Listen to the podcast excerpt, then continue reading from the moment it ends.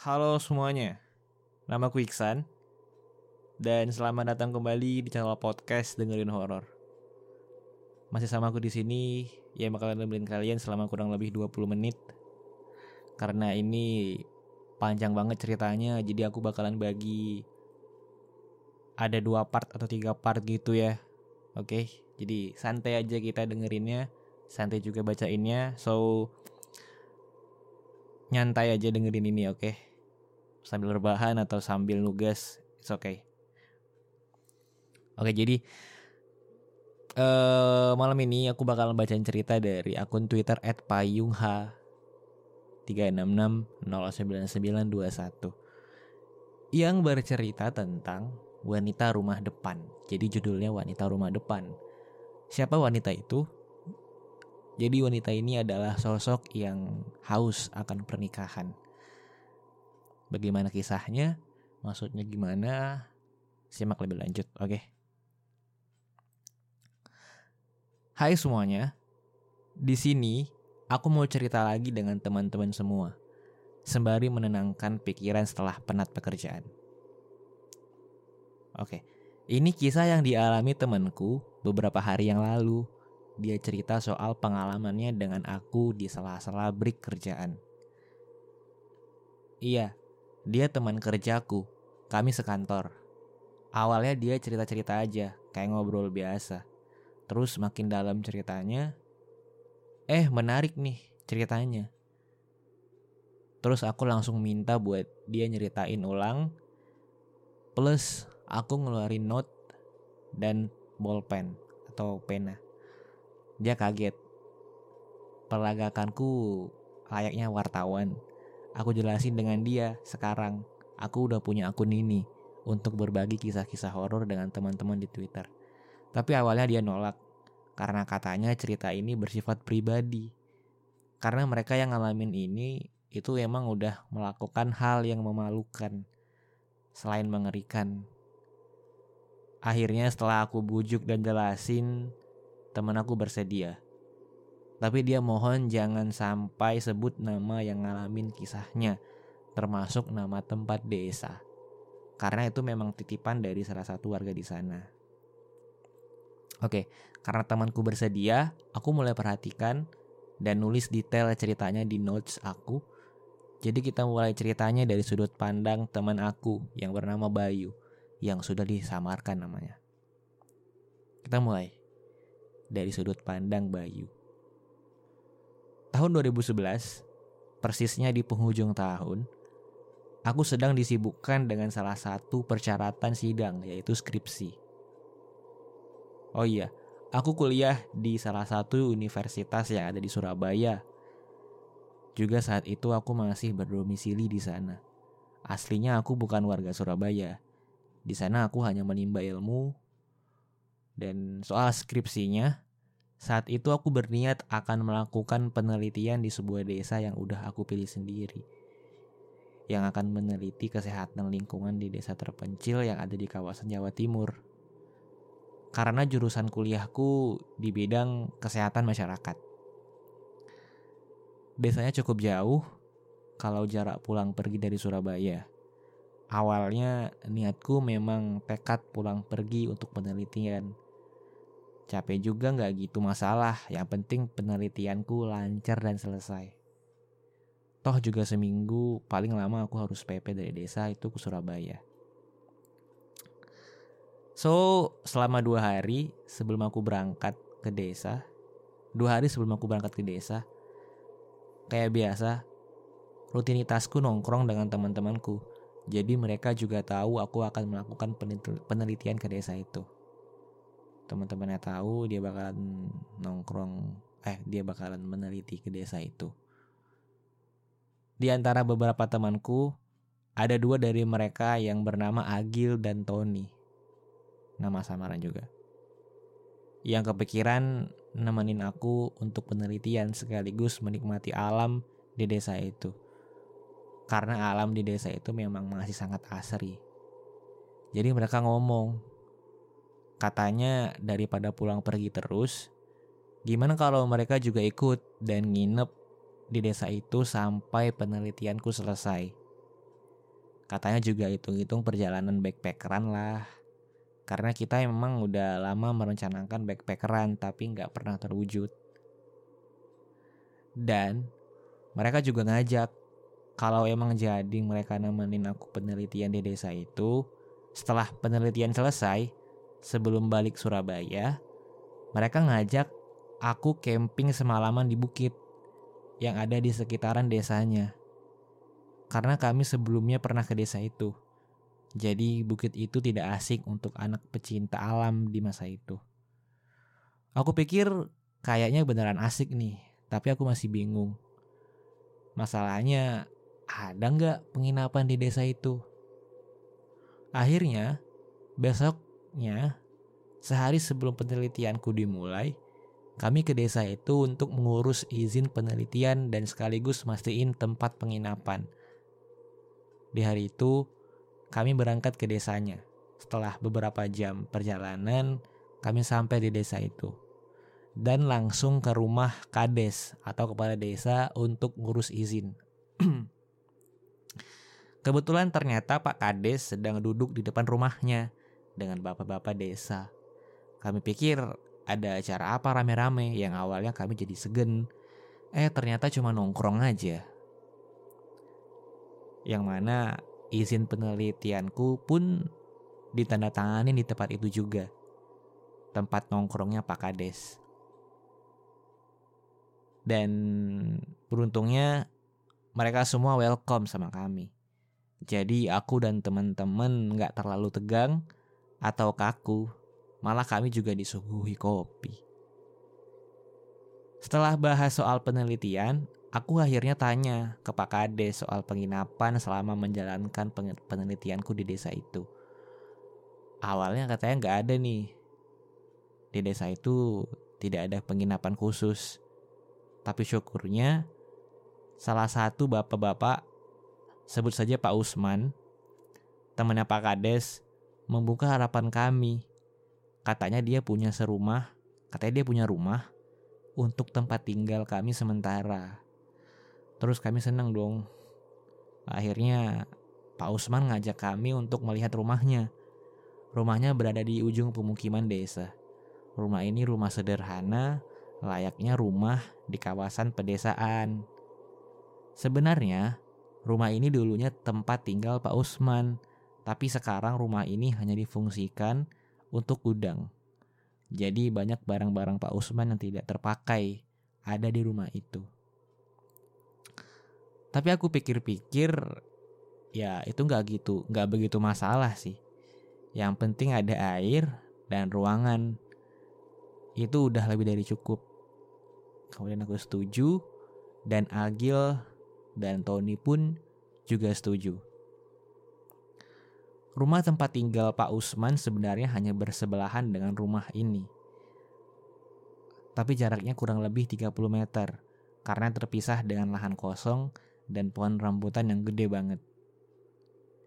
Depan rumah ini masih ada satu rumah warga yang posisinya di pinggir jalan kecil yang berhadapan dengan rumah kami. Jadi posisi rumah kami ini hampir dekat atau hampir sebelahan dengan rumah Pak Usman tadi. Batasannya cuma ada pohon rambutan yang gede. Terus uh, di depan rumah kami ini ada satu rumah kecil yang posisinya di pinggir jalan, terus berhadapan dengan rumah kami. Setelah setelah kami semua setuju dan memutuskan jadi untuk nginap sementara di desa itu, akhirnya kami pamit dengan Kades dan Pak Usman untuk balik lagi ke Surabaya. Karena besoknya barulah kami kembali dengan membawa peralatan-peralatan. Saat di jalan balik ke Surabaya, aku nyetir sedangkan Tony dan Agil sibuk membicarakan satu cewek yang mereka anggap itu bunga desa. Jadi gini, saat aku dengan Pak Usman sibuk melihat-lihat dan membicarakan kondisi rumah tadi, Agil dan Tony sibuk mengintip cewek yang duduk di rumah depan. Aku lihat juga, si cewek itu memang sekilas kayaknya cantik. Tapi aku gak gitu memperhatikan karena fokusku ngobrol dengan Pak Usman. Mereka berdua semangat, semangat banget kan. terutama Tom, terutama Tony karena katanya wah asik tuh apalagi di rumah depan ada cewek bening banget. Itu seolah jadi penyemangat mereka. Ya wajar sih aku mikirnya. Ikan mana yang nggak seneng kalau disuguhi kucing asin? Ya nggak? Maksudnya ya cowok mana yang nggak demen lihat cewek bening gitu kan? Gitu deh intinya Besoknya dari Surabaya kami siap-siap kembali ke desa itu lagi untuk tinggal beberapa hari di sana untuk menjalankan penelitianku sekaligus menenangkan pikiran di alam dan desa yang indah. Kami pun pastinya membawa peralatan secukupnya, termasuk tenda, karena niatnya kami akan camping kan. Jujur aja, aneh rasanya. Aku membawa tenda peralatan mendaki sekaligus membawa laptop dan perkakas kuliah.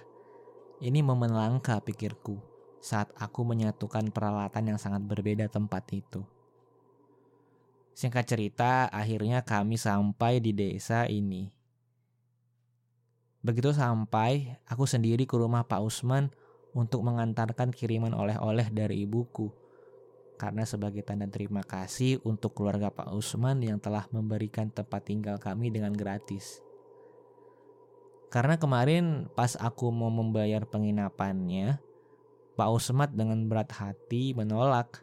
Katanya dia hanya ingin membantu dan kami pun kayak wah terima kasih banget Pak gitu. Setelah itu kami masuk rumah beres-beres, tapi yang anehnya cewek rumah depan yang kemarin dilihat Tony dan Agil saat itu posisinya masih duduk di tempat yang sama Awalnya dari kami masih belum berpikir itu aneh. Karena awalnya aku hanya menganggap itu warga yang tinggal di rumah itu. Mereka berdua malah semangat banget, terutama Tony yang terus-terusan kegirangan memperhatikan cewek itu. Tapi Tony terlalu feminim karena nggak berani sampai langsung. Berani cuma liatin doang. Siang itu sambil ngintip cewek itu, kami terus-terusan bahas dan bercanda soal bunga desa yang menurut aku juga cantik sih. Sampai Tony sambil bercanda ngomong gini. E, aku pengen jadi ulet biar bisa manjatin bunga. Itu candaan kotornya aja sih. Aku dan Agil pun cuma ketawa nanggepin candaan itu. Yang tidak kami sadarin ternyata kami udah mulai tidak sopan.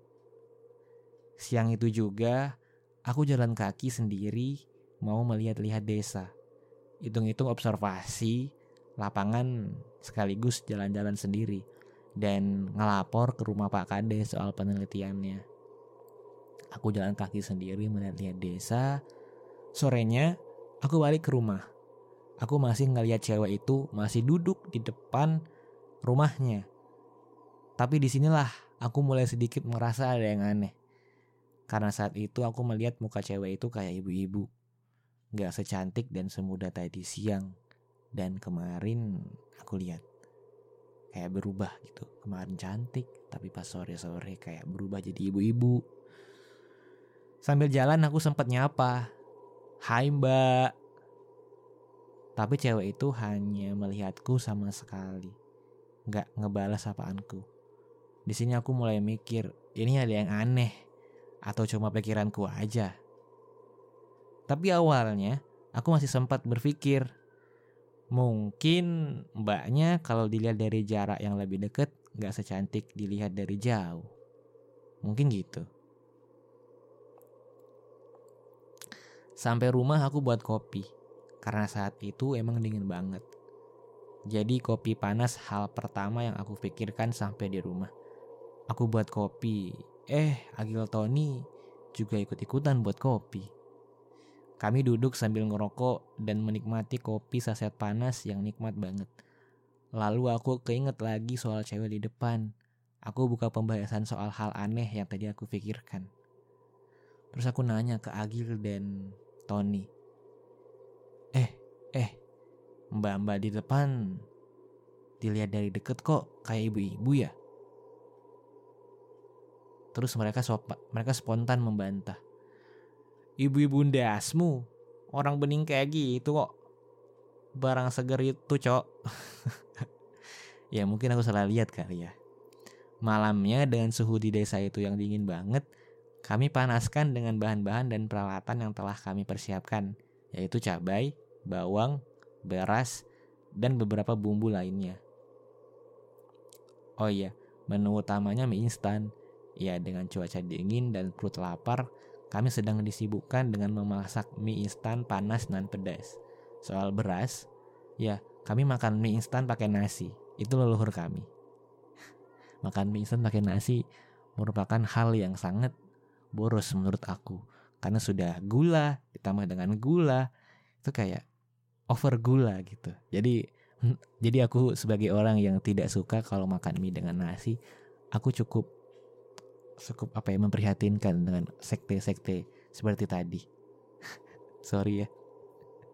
Oke, oke kita lanjut, kita lanjut, kita lanjut. Aduh, malah bahas mie. Kita lanjut. Setelah makan, Agil ke depan teras rumah, duduk sambil membawa kopi dan rokoknya. Gak lama tiba-tiba Agil lari ke dalam, manggil aku dan Tony. Dengan reaksiku yang kaget ngelihat Agil tiba-tiba lari, terus aku terus aku nanya ke Agil, ada apa Gil? Uh, aku kaget rek ngelihat mbak-mbak di depan, mukanya kok beda yo? Jawabnya. Ternyata Agil kaget karena dia juga melihat muka mbak yang duduk di depan persis kayak aku lihat tadi sore. Mukanya seolah-olah menua dan makin jauh dari kata cantik. Lalu kami bertiga ngintip mbaknya dari pintu dan bener aja mbaknya ternyata masih duduk anteng yang posisinya masih sama kayak kemarin dan tadi. Cuma duduk sendiri sambil mengayunkan kakinya. Aku gak salah lihat dengan cahaya remang-remang yang berasal dari rumah itu kelihatan banget mukanya memang bener-bener menua. Tapi di sini kami sempat berdebat, bahkan masih sempat bercanda. Karena Tony katanya cewek itu masih cantik kok. Masih sama kayak kemarin yang dia lihat. Sedangkan menurutku dan Agil jelas-jelas mukanya kelihatan menua. Pun kami berdebat di sana. Kami sempat juga menganggap kalau selera Tony itu ibu-ibu. Dia suka dengan yang tua-tua. Itu maksudnya hanya candaan aja. Di sini kami emang udah mulai mikir itu aneh karena sosok itu kayak menunjukkan sosok yang berbeda dengan Tony. Tapi nggak gitu buat kami kepikiran yang harus was-was banget dan takut. Sesuatu yang aneh emang sering menghampiri kita di tempat-tempat asing seperti ini. Sadar apa enggak? Yang penting kita kontrol diri aja. Awalnya aku masih mikir kayak gitu. Terus malam yang semakin larut, keadaan hening banget, yang dibalut dengan suara-suara ambience hutan alami, Tony dan Agil pun udah tidur. Aku masih sibuk dengan laptopku mempersiapkan data penelitian buat besok.